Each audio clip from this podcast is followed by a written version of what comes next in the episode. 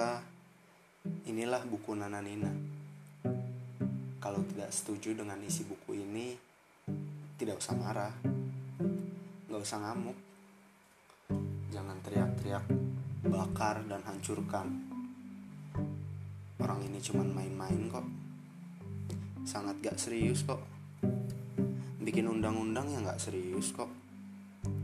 Aparat hukumnya juga dagelan kok. Pengadilannya main-main kok. Para ulamanya ya Nana Nina kok. Acara televisinya semua serba lawak kok. Bahkan di depan Tuhan aja kita sering cengengesan kok. Jadi mohon diterima saja apa mau penguasa. Jangan protes apalagi menggalang masa. Konyol kalau mau membakar diri di depan istana. Lebih baik bakar sate aja. Orang yang di dalam istana itu Nana Nina kok disuguhi bakar badan. Tentu aja mana mereka paham